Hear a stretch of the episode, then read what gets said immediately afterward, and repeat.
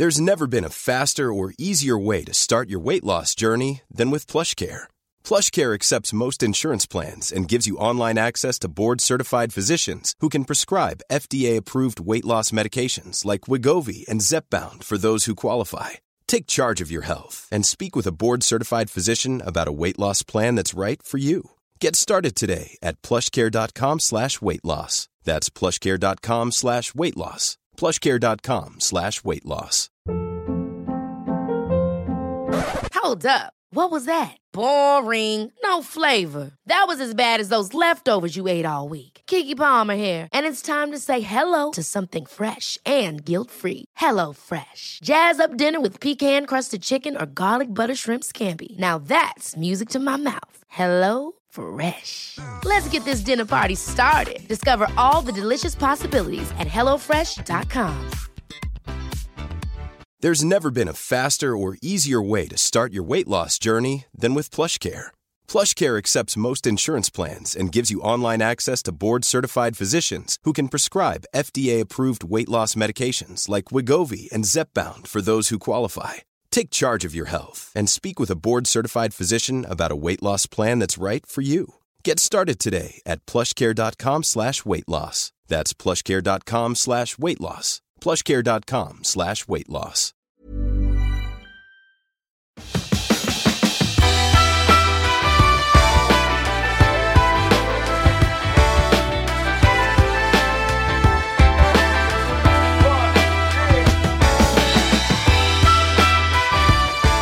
Hej och välkommen till avsnitt 70 av Klimakteriepodden med mig, Åsa Medin. Kommer du ihåg boken Kåt, glad och tacksam eller Kärlek, en handbok? Psykosyntesterapeuten Eva Sanner har skrivit båda de här böckerna och är nu aktuell med boken Naturens hemlighet som bygger på hennes egna erfarenheter av naturen och den utbildning hon gjort till ekopsykolog.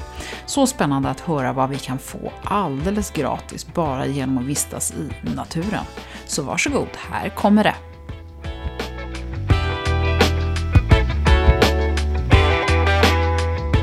Då vill jag önska Eva Sanner hjärtligt välkommen till Klimakteriepodden. Tack så mycket. Det är spännande att ha dig här. Ja, det ska bli jättekul. Ja, vi har pratat lite grann inför den här intervjun. Och, men jag vill börja med att eh, presentera dig. Du är journalist inom hälsa och alternativmedicin. Men idag jobbar du mer som författare, föreläsare, psykosyntesterapeut och så är du nyligen utbildad inom ett, för mig i alla fall, nytt begrepp som heter ekopsykologi. Och du är 59 år, vilket är relevant för alla mina gäster, hur gamla de är, speciellt kvinnor. och sen några år så bor du ute på landet utanför Göteborg. Jag har hört på dig i P1, Människor och tro i ett fascinerande samtal och så har du skrivit en massa böcker och nu senast en som heter Naturens hemlighet som jag har läst här under hösten. Och jag tror sammantaget att du besitter en väldigt fin kunskap som jag skulle vilja att vi får ta del av med fokus på kvinnan som är just i klimakteriet. Mm. Vad tror du om det? Det låter helt underbart tycker ja, jag. Bra. Ja, eh, först då, kan du inte berätta mm. lite mer om dig själv? Ja, du hade ju en sån väldigt fin presentation där. Men om jag ska tillägga någonting så är det ju att jag jobbar ju med människors relationer kan man säga som terapeut. Jag har ju väglett och liksom följt människor i terapin sedan väldigt många år tillbaka. Både individer och väldigt mycket par.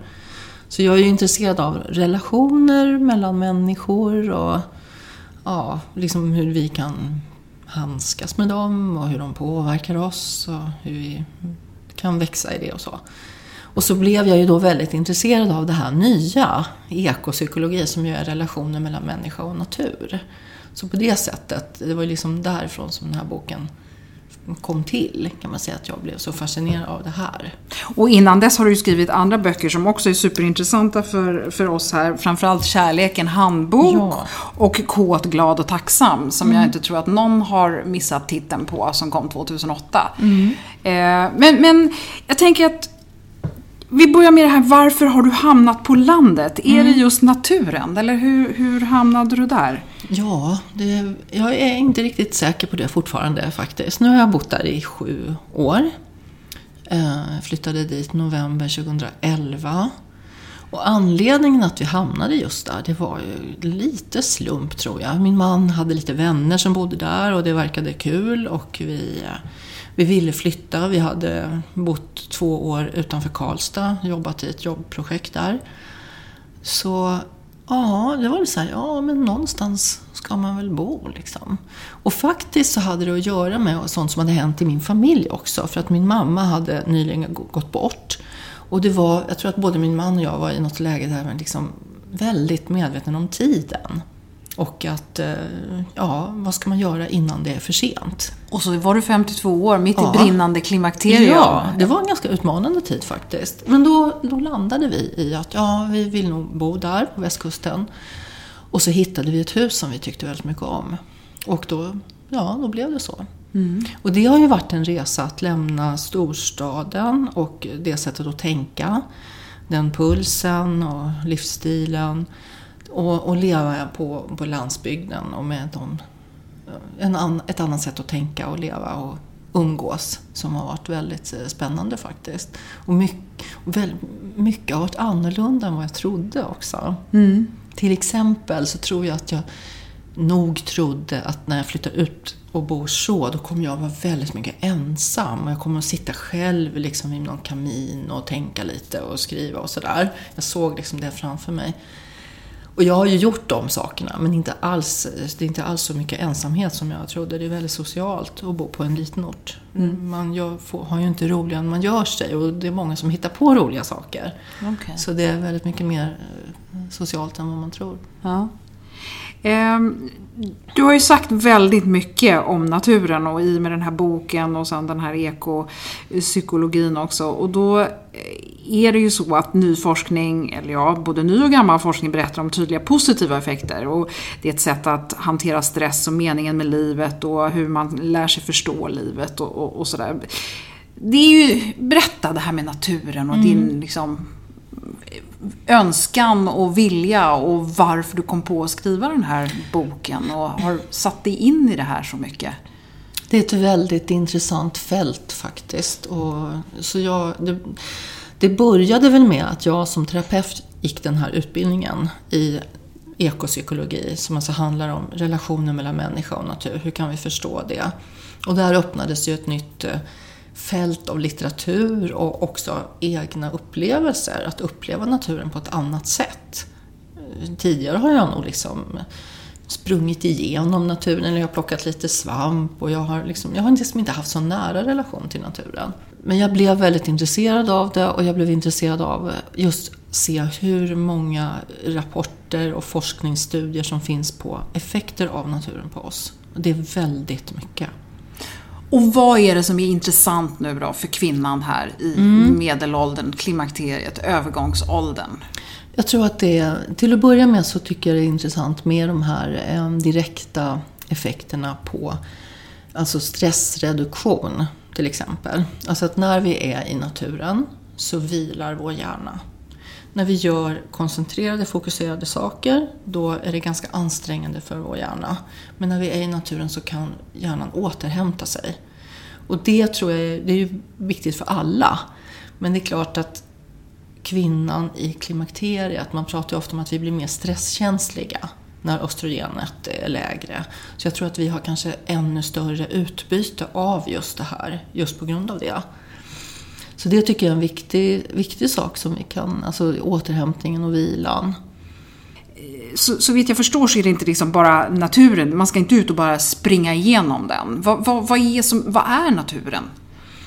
Nej, hur menar du då? Nej, men jag menar att när... Om jag vad förstå... är natur? Ja, liksom? vad är natur mm. och hur ska man vistas i den för att det ska ha mm. de här positiva effekterna? Det kan ju vara väldigt många saker. Det kan ju, alltså vi som bor i Sverige, vi har ju för det första så har ju vi tillgång till natur på väldigt många sätt. Vi har allemansrätten, vi kan liksom promenera, vandra på väldigt många platser som är någons egendom men som är ändå tillgängliga för oss. Och det är ju någonting som vi kanske glömmer bort att det är så speciellt. Men i många andra länder är det ju inte så utan där är det ju staket runt allting och man kommer inte dit. Men vad som vi kan räkna som natur, det, alltså det är klart att vi kan tänka oss de här stor, stora skogsområdena eller fjällen eller olika landskapstyper som vi har i Sverige. Men även en park är ju en liten bit natur och även om, om en, eh, vad ska jag säga, lite tamare. Mm. Eller så. Mm. Men det, det, är fortfarande liksom de här växterna och det kanske finns djur som bor där. Men det ska helst vara lite avskilt så att man känner sig eh, inte störd. Mm. Och, inte för, alltså, och helst trygg också. Det så det kan ju vara, mycket... ens trädgård kan också vara... Ens trädgård är absolut ett mm. stycke natur. Eh, och det som man framförallt kan studera i en trädgård eller uppleva det är ju kontakten med, med växtlig, växtlighet och årets årstidernas gång och liksom det här miraklet i det som växer, vi sår och kan skörda och så vidare. Men det som jag tänker i, första, i den första fasen av ehm, att lära känna naturen och uppleva effekter, det är ju just det här att ehm, tillbringa tid på en plats i naturen utan att göra så mycket annat. Att sitta där, att kanske vila där eller kanske till och med sova där. Och det kan man, man har ju stor effekt av att göra det tillsammans med någon också. Kanske att man upplever det ännu starkare om man är själv. Mm, och skrämmande tänker jag. Och det kan också kännas lite skrämmande. Så där får man ju ta det liksom där man är själv och som det känns bekvämt. Det är väldigt viktigt att det känns tryggt, att man inte sitter och är jätterädd hela tiden. Då har det ju inte blivit någon stressreduktion alls. Liksom. Eh, men eh, till exempel det här att, eh, att sova utomhus, det påverkar ju Eh, sömnmönstret väldigt positivt har man sett. Och det är ny, nya studier som visar på det. Att vi tenderar att sova bättre, vi blir tröttare på kvällen och piggare på morgonen. Många av oss har ju ett stört sömnmönster. Där vi vaknar tidigt på morgonen eller har svårt att komma till ro och så. Och det här har man sett positiva effekter på. Så det är absolut någonting som jag tror att kvinnor i klimakteriet också kan ha stort utbyte av den typen av, av vila. Och då ska man gärna göra det några nätter i rad. Då kan man ju sova i tält. Mm. Liksom, därför att man påverkas ändå av ljuset på det sättet. Men om vi kommer tillbaka till det här med naturens mm. positiva effekter och det här som jag började med att säga att man inte skulle liksom rusa igenom den. Utan mm. vad, vad du menar är att om jag förstått det rätt, att man ska liksom vara i naturen och ta in den. Exakt. Ehm, det som vi gör då, om vi så att säga stannar upp i naturen och inte gör så mycket. Då är det också så att vi helst ska inte fokusera så mycket på vad vi tänker om det här. Utan på vad vi registrerar med våra sinnen. Alltså vad hör jag? Vad ser jag? Hur känns det på huden? Vind, temperatur? Vad är det för hur kan jag känna olika kvaliteter, mossa, sten, olika material så att säga. Alltså att vi fokuserar just på sinnena. Förnimmelse pratar man om. Och det är för att vi då inte är så fokuserade just på vårt rationella, kognitiva sätt att tolka omvärlden. Alltså vi behöver inte värdera det här, vi kan bara, vi kan bara uppleva det utan eh, så mycket synpunkter. Och det, det är en väldigt speciell vila faktiskt, att eh, uppleva naturen Det så. låter ju som en form av meditation, fast för mig mm. låter det nästan bättre än meditation, för att det här med att inte tänka på någonting är väldigt svårt. Ja, det är nästan omöjligt faktiskt. Det är jättesvårt. Jag brukar, efter att ha skrivit den här boken, så har jag börjat tänka på meditation. Det är som, en, som en, ett sätt att öva sig. Att inte bry sig så mycket om sina tankar, kan man ju säga. Och att den övningen kan man kanske också ha glädje av när man vill vara med naturen. Men det går också alldeles utmärkt att bara lyssna och mm. fokusera just på sinnena. Och det var ju mycket det som vi gjorde under den här utbildningen också, att öva oss på hur, hur blir det då? Vad, vad ser jag egentligen? Hur fungerar synen? Alltså fokusera på ett sinne i taget. Titta nära, titta långt bort. Och hur stort är mitt synfält och vad kan jag se åt sidorna? Och Ja, eller hörseln lika, likadant. Och jag hör ljud som är nära eller långt borta. Och, och det här är... Vi är inte så vana vid det. Och, och den effekten av det här, mm. om man nu lyckas praktisera och ta in natur och hitta de här stunderna där man har varit i den här förnimmelsestadiet och, och, och faktiskt lyckats aktivera alla sina sinnen, vad händer då? Alltså det som framförallt händer det är ju att vår hjärna vilar. Så det här är en slags återhämtning för vår hjärna. Så det är framförallt det som händer. Sen har ju skogen andra väldigt fysiska effekter, skog och mark. Till exempel att vintergröna träd utsöndrar ett ämne som stärker vårt immunsystem. Det har man sett. Man har ju länge vetat att skogsluft är bra för de som är sjuka. Men nu vet vi varför. Och det är ju väldigt spännande. Eller man har också en effekt av jord. Alltså jord utsöndrar en bakterie som balanserar våra serotoninnivåer. Så att vi får, ett, liksom, vi får färre depressionssymptom om vi har kontakt med jord. Och då måste vi inte ha fys att man måste inte ha nakna fötter eller händer i jorden? Nej, det måste man inte, men det är klart att det är ganska... Det hjälper. Hjälper liksom. Man måste ja. inte... Det här är en luftburen bakterie, ja. så att den, den fluffar okay. upp liksom mm. om vi håller på. Och det, det är ju sånt som sker när vi till exempel odlar någonting. Men eh, det är klart att det händer även om vi ligger på en gräsmatta säkert. Alltså, det finns ju jord överallt. Så. Mm. Och, så det finns de här rena fysiologiska sakerna som sker. Och så finns det de här stressreducerande som är att liksom hur, vilka intryck vi inte har. Inte tänka, tänka, tänka. Inte göra, göra, göra. Utan vila uppmärksam, uppmärksamt. Mm. Så det, det har ju och man ska med... inte sitta och hålla på och uppskatta naturen så mycket. Eller det är inte det som är... För jag tänker, man pratar ju mycket om det här med, med bliss. Eh, nu för tiden. Det som vi kanske liksom på eh, på svenska då mer ska prata om förundran, att det är viktigt mm. att vi liksom känner den känslan.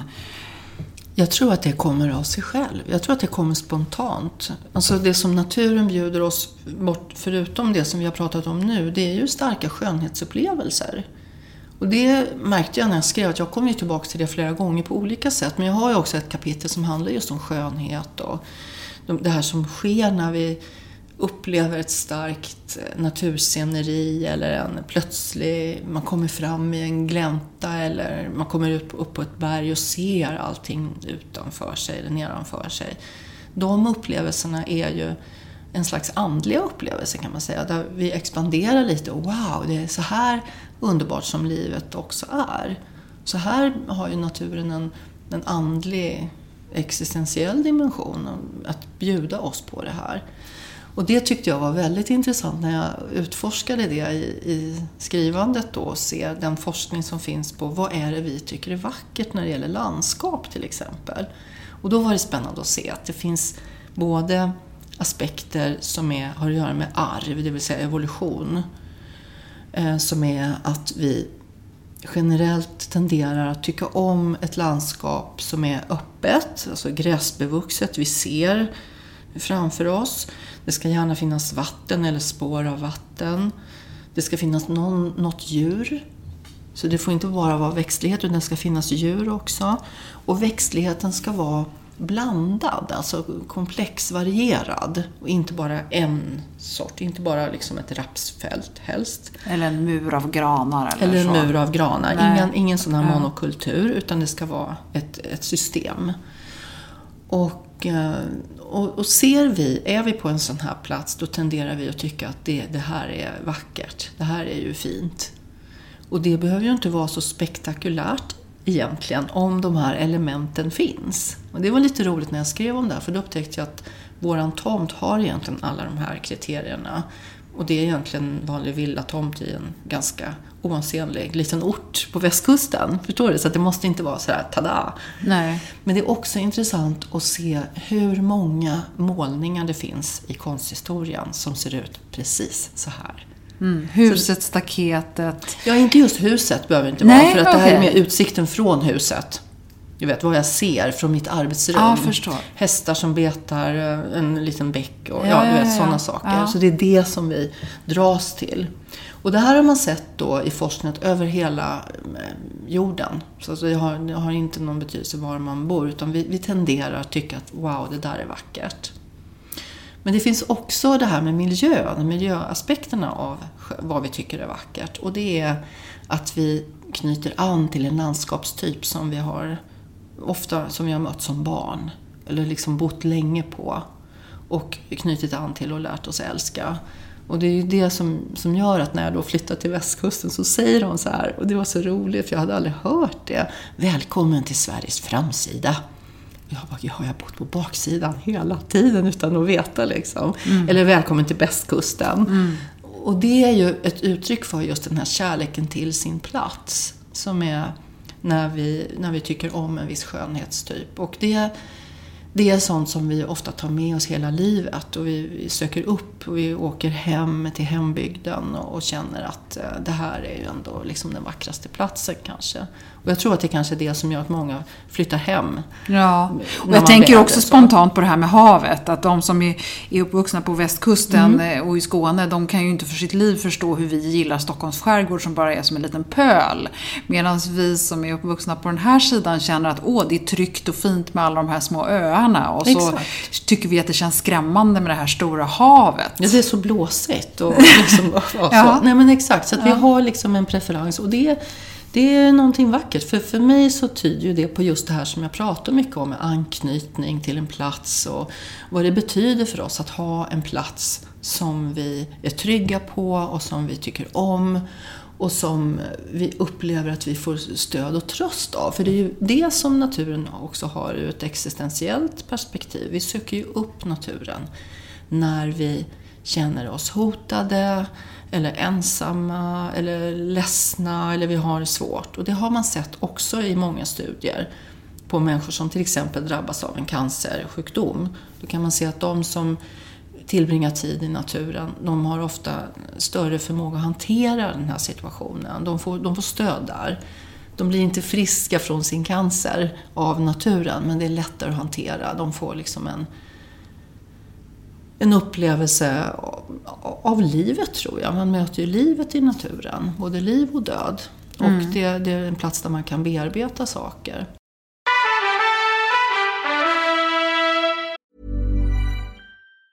Even on a budget, quality is non-negotiable. That's why Quince is the place to score high-end essentials at 50 to 80% less than similar brands. Get your hands on buttery soft cashmere sweaters from just 60 bucks, Italian leather jackets, and so much more. And the best part about Quince, they exclusively partner with factories committed to safe, ethical and responsible manufacturing. Elevate your style without the elevated price tag with Quince. Go to quince.com/upgrade for free shipping and 365-day returns. Life is full of what ifs. Some awesome, like what if AI could fold your laundry?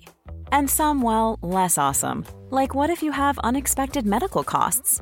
United Healthcare can help get you covered with Health Protector Guard fixed indemnity insurance plans. They supplement your primary plan to help you manage out of pocket costs. No deductibles, no enrollment periods, and especially no more what ifs. Visit uh1.com to find the Health Protector Guard plan for you. Hold up. What was that? Boring. No flavor. That was as bad as those leftovers you ate all week. Kiki Palmer here, and it's time to say hello to something fresh and guilt-free. Hello Fresh. Jazz up dinner with pecan-crusted chicken or garlic butter shrimp scampi. Now that's music to my mouth. Hello Fresh. Let's get this dinner party started. Discover all the delicious possibilities at hellofresh.com. Det är härligt att klimakteriets tabu äntligen är på väg bort.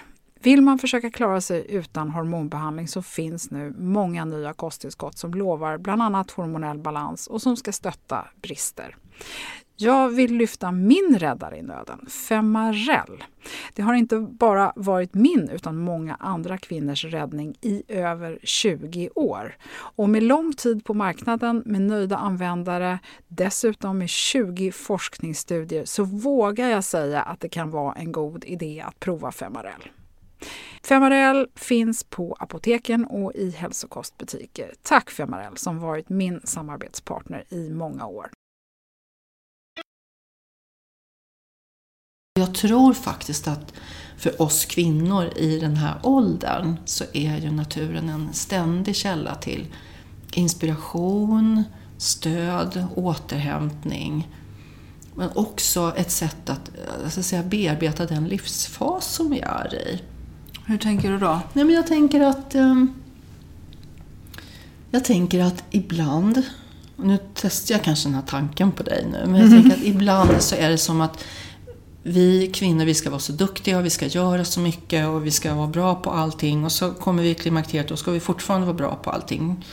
Fast vi kanske egentligen borde ta hand om oss själva då. Vi borde lyssna mer på vår, vår egen natur inom oss, vår kropp. Och så fundera på vad behöver min kropp nu? Hur ska jag ta hand om det? Och jag tror att vi kan få inspiration av det. Därför att i naturen så är det olika faser som har, handlar om olika saker. Allting är inte bara likadant. Nej, och framförallt årstiderna. Hur, hur kan man applicera det på, på kvinnan och klimakteriet och den här omställningen Alltså vi går igenom? Ja, alltså först så generellt så tror jag att det är ehm, att var och en av oss kan lyssna på vad behöver jag under den här årstiden? Vad, vad behöver jag nu? Nu är det mörkt, nu är det korta dagar. Är lika stark då? Behöver jag vila mer? Och det sättet att tänka tycker jag är viktigt att ta med sig. Klimakteriet i in- hösten då, kan man tänka. Ja, klimakteriet är i alla fall en period i livet när kroppen har kanske andra behov, ger andra signaler. Eh, kanske signaler som jag inte förstår, men som jag kan lära känna och utforska. Att stanna upp och lyssna på kroppen då. Och, liksom, och vad behöver Och även själen förstås. Vad behöver jag i mitt liv nu? Hur ser mitt Och det ut? låter ju här som du gav oss ett väldigt bra verktyg. För för mig i alla fall, som har svårt att meditera men, och, och så blir man stressad av att man inte kopplar av, att man inte stressar av. Det här med att kunna gå ut i naturen då är kanske ett jättebra sätt att göra det lite lättare för sig själv. Absolut, det, tror jag. Det, det låter som en toppengrej. Ja. Jag, jag tänker det finns ju en sak till med det här och det är ju, det är mycket fokus på hållbarhet och klimatet idag. Eh, och, och jag tänker att många känner sig lite så här klimatstress och, och man känner sig lite hjälplös och att man inte kanske bryr sig tillräckligt eller hur, hur, sådär. Hur, hur, hur knyter man ihop det med naturen och det här hållbara och den här situationen man är i? Jag tror det är så här att Eh, vi har ju hört i många decennier har vi hört miljörapporter. Och det har funnits folk eh, som varit engagerade i miljörörelsen som har sagt att det här går inte och det kommer att bli si eller så, växthuseffekt och bla bla bla. Och det har inte lett till någon som helst förändring. Utan allting har bara ökat och fortsatt. Och då tror jag att när vi har en annan relation och en närkontakt med naturen som är positiv så tror jag att vi blir mer motiverade att göra förändringar i vår livsstil mot större hållbarhet. På grund, alltså mer av kärlek skulle jag säga, än av rädsla om du förstår. Därför att det här skrämselrapporterna har ju bevisligen inte fungerat. Det har ju inte blivit så annorlunda. Nej, nej men det är Så det är så jag tänker. Ja, så på väl- det sättet så tycker jag att den här boken hänger ihop med, med ett eh, miljöengagemang, men på ett, på ett inre plan. Och ser liksom, men det här, den här naturen, det, det är ju min natur. Det är ju, det är ju För, jag. för jag tänker liksom. lite, man kan komma tillbaka till den här hj- hjälplösheten. Att, och, och, nu kanske jag spånar iväg här, men jag tänker då om man känner sig lite hjälplös inför eh, klimatförstörelsen och, och det här klimathotet. Och man kan också känna sig väldigt hjälplös och utsatt som kvinna i den här perioden i livet. Och, och då, om man då går ut i den här naturen som man liksom tycker synd om, då, då, då kanske det blir ännu värre. Eller också är det precis som du säger, att man kanske bondar med den. Att man liksom känner, jag vet inte, hur... Ja, jag tror att när det gäller hjälplöshet så tror jag det är så här att det är ett väldigt jobbigt tillstånd som vi tycker är obehagligt. Men min erfarenhet, både från mig själv och när jag jobbar med andra, det är ju att om jag gör någonting, då är jag inte helt hjälplös. Alltså om jag tar ett steg för mig själv eller för klimatet eller vad det nu än är så, så är jag inte helt hjälplös och då, då kan jag liksom få en annan, få en annan boll att rulla. Liksom. Så det känns ju viktigt. Men sen finns det ju också, om man tittar liksom i vår kultur och hur det är med rollen som kvinna och det här, som det här samhället som vi har där vi som kvinnor hela tiden kämpar med att vara underordnade och vi vill ha rättvisa, liksom den här långa traditionen av underordning som vi har. Och då tänker man ju utifrån det här synsättet med ekopsykologi, alltså att naturen är det första som vår kultur så att säga underordnar. Okej. Okay. Alltså det, och, det, och sen från det så, så kommer en massa andra saker. Man förknippar ju också traditionellt, om man tittar historiskt, att kvinnor är mer nära naturen. Du vet, mannen står för det rationella. Mm. Kvinnan är det liksom det o, otyglade, lite hysteriska. Alltså på många Svåra olika sätt. Svåra att förstå. Ja. ja. Och de måste man liksom styra och bestämma över. Och Moder Jord. Och... och Moder Jord är en, en mm. kvinna inom citationstecken. Va? Så att um, det finns absolut någonting att, att hämta där för både kvinnor och män tror jag. Se hur tar vi hand om det, det feminina i oss och hur, vad är det för någonting? Mm. Och, och så, vad, är, vad är natur och kultur? Kan de samexistera eller måste kulturen liksom trycka ner naturen? Och det vi ser nu det är ju att naturen reagerar på de obalanser som har skapats och då kan ju vi uppleva det som naturen slår tillbaka så, med de här eh, effekterna som blir. Jag tror att vi alla behöver hitta ett sätt att förhålla oss till den här eh, tiden som vi som befinner oss i som, som samhälle och se vad, vilken roll, vad betyder det här för mig? Ska jag bidra till det ena eller ska jag bidra till det andra? Det kan man fråga sig. Men jag tänker att som kvinnor i den här tiden av livet så tror jag verkligen att naturen kan verkligen bidra till en, eh, en styrka. Vi kan, alltså det här att vara i naturen har man ju sett också påverka självkänslan och kroppsuppfattningen väldigt positivt. Och det är också någonting som vi kan har stor glädje av att få den upplevelsen och känna oss, ja men nu, nu är jag här, liksom. det här är min plats och jag är trygg här och det här är min natur. Liksom. Mm. Jag tror att det finns mycket där. Det, det, är väldigt fint, jag, jag tycker om det. Jag tror absolut på det här, men framförallt det här att eh, faktiskt spendera lite tid. Att, att ta med sig en termos och sätta sig på en sten Eh, i en halvtimme och se vad som händer. Det, det, ja. Nu när vi ändå råkar ha dig med all den här erfarenheten av mm. parterapi eh, framför oss här så, så tänker jag så här att du har ju en enorm eh, erfarenhet av det. Jag har ju skrivit väldigt många böcker som jag nämnde i början också om just det här. Hur, vad har du där som du kan dela med dig av som, som Just för den här tiden i livet? Ja, Klimakterietiden? Ja. Alltså jag tror att en sak som händer i klimakteriet, det är ju att vi blir medvetna om en massa saker förstås, men också att, eh, att kroppen förändras, att livet förändras och vi kanske inte kan påverka den här förändringen, men vi kanske behöver också göra förändringar för att våra liv ska fungera. Och det kan ju handla om allt möjligt, från att titta på hur är relationen nu? Behöver vi titta på den på ett annat sätt? Behöver jag bryta upp från en relation? Vill jag ha en relation? Vill jag ha en ny? Alltså, att relationer får ju en annan betydelse. Liksom allting annat. Och så tror jag också att eh, många kvinnor eh, jag tror också att många kvinnor behöver lyssna på sin kropp och de behov som är och se att när det gäller till exempel sex och intimitet så kan vi njuta av det jättemycket men vi kanske behöver lyssna lite mer på vad vi behöver för att det ska vara möjligt. Vi är mer stresskänsliga till exempel och kroppen fungerar på ett annat sätt när det gäller slemhinnor och alla sådana saker. Och då är det viktigt mycket med alltså, hur kan jag kommunicera det här till en partner, hur kan jag förstå det här själv, vad kan jag göra för att för att må bra, helt enkelt. Och det, då är det, tänker jag att det är både det här att jag mår bra själv, hur jag tar hand om min hälsa, och också i relation till min partner, hur kan jag kommunicera de behov som jag har?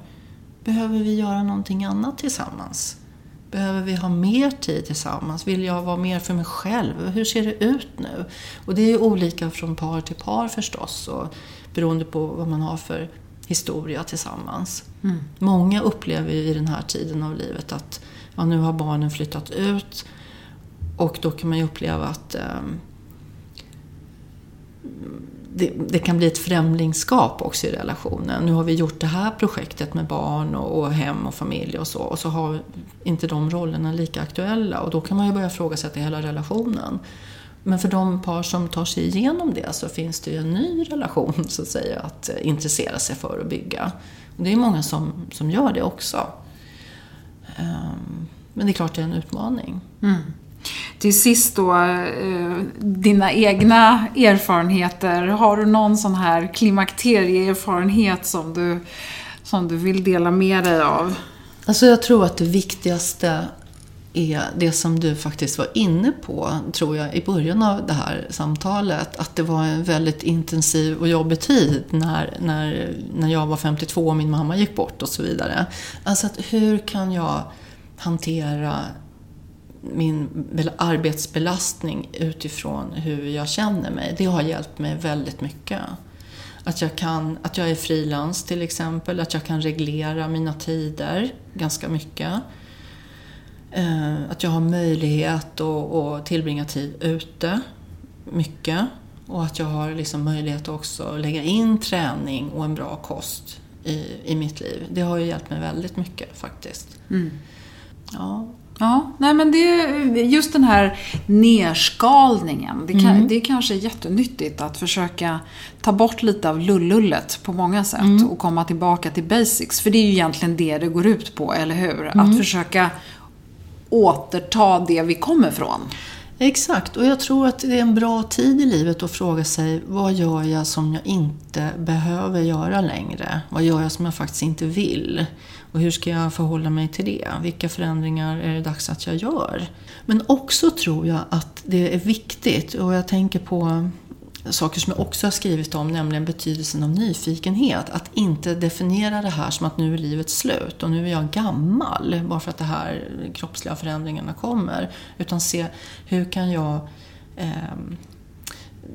utmana mig själv, göra någonting som är roligt, nytt, spännande. Som kanske inte är en jättestor livsförändring men som ändå är någonting som gör att jag känner att wow, livet är faktiskt ganska roligt och intressant. Mm. Och det tror jag är väldigt viktigt också.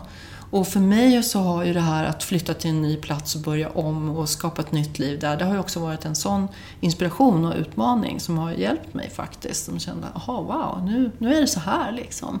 Men det kan ju också vara liksom att man lär sig ett nytt språk eller en annan färdighet, som man, någonting man prövar. För nyfikenhet är en väldigt stark drivkraft för oss. Det, det är en väldigt viktig del i vårt psyke. Mm. Och ju mer vi liksom odlar den nyfikenheten desto mer upplevelser får vi. Och man har sett också faktiskt i forskning att alltså, vi blir mindre deprimerade, vi blir mindre nedstämda om vi odlar vår nyfikenhet. Det finns en stark korrelation mellan nedstämdhet och brist på nyfikenhet. Mm. Så. Tusen tack Eva för att mm. du kom till Klimakteriepodden idag. Tack så mycket, det var spännande. Ja.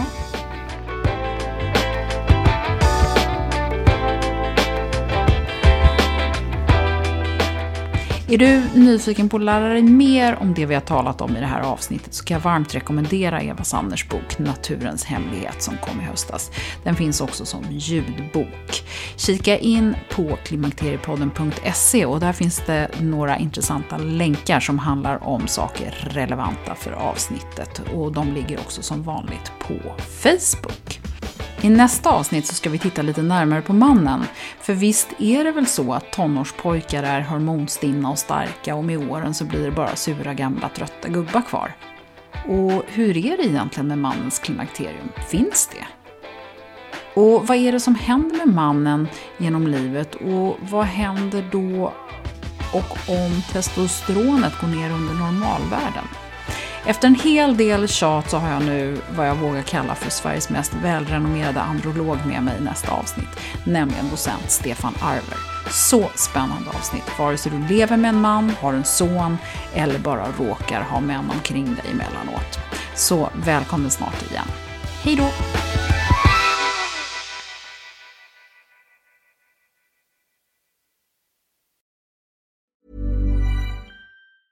Hey, it's Danny Pellegrino from Everything Iconic. Ready to upgrade your style game without blowing your budget? Check out Quince. They've got all the good stuff shirts and polos, activewear, and fine leather goods, all at 50 to 80% less than other high end brands. And the best part? They're all about safe, ethical, and responsible manufacturing. Get that luxury vibe without the luxury price tag. Hit up quince.com slash upgrade for free shipping and 365 day returns on your next order. That's quince.com slash upgrade. Hold up. What was that? Boring. No flavor. That was as bad as those leftovers you ate all week. Kiki Palmer here, and it's time to say hello to something fresh and guilt-free. Hello Fresh. Jazz up dinner with pecan-crusted chicken or garlic butter shrimp scampi. Now that's music to my mouth. Hello Fresh. Let's get this dinner party started. Discover all the delicious possibilities at hellofresh.com. Imagine the softest sheets you've ever felt. Now imagine them getting even softer over time. That's what you'll feel with Bowl and Branch's organic cotton sheets. In a recent customer survey, 96% replied that Bowl and Branch sheets get softer with every wash. Start getting your best night's sleep in these sheets that get softer and softer for years to come. Try their sheets with a 30-night guarantee. Plus, get 15% off your first order at bowlandbranch.com. Code BUTTERY. Exclusions apply. See site for details.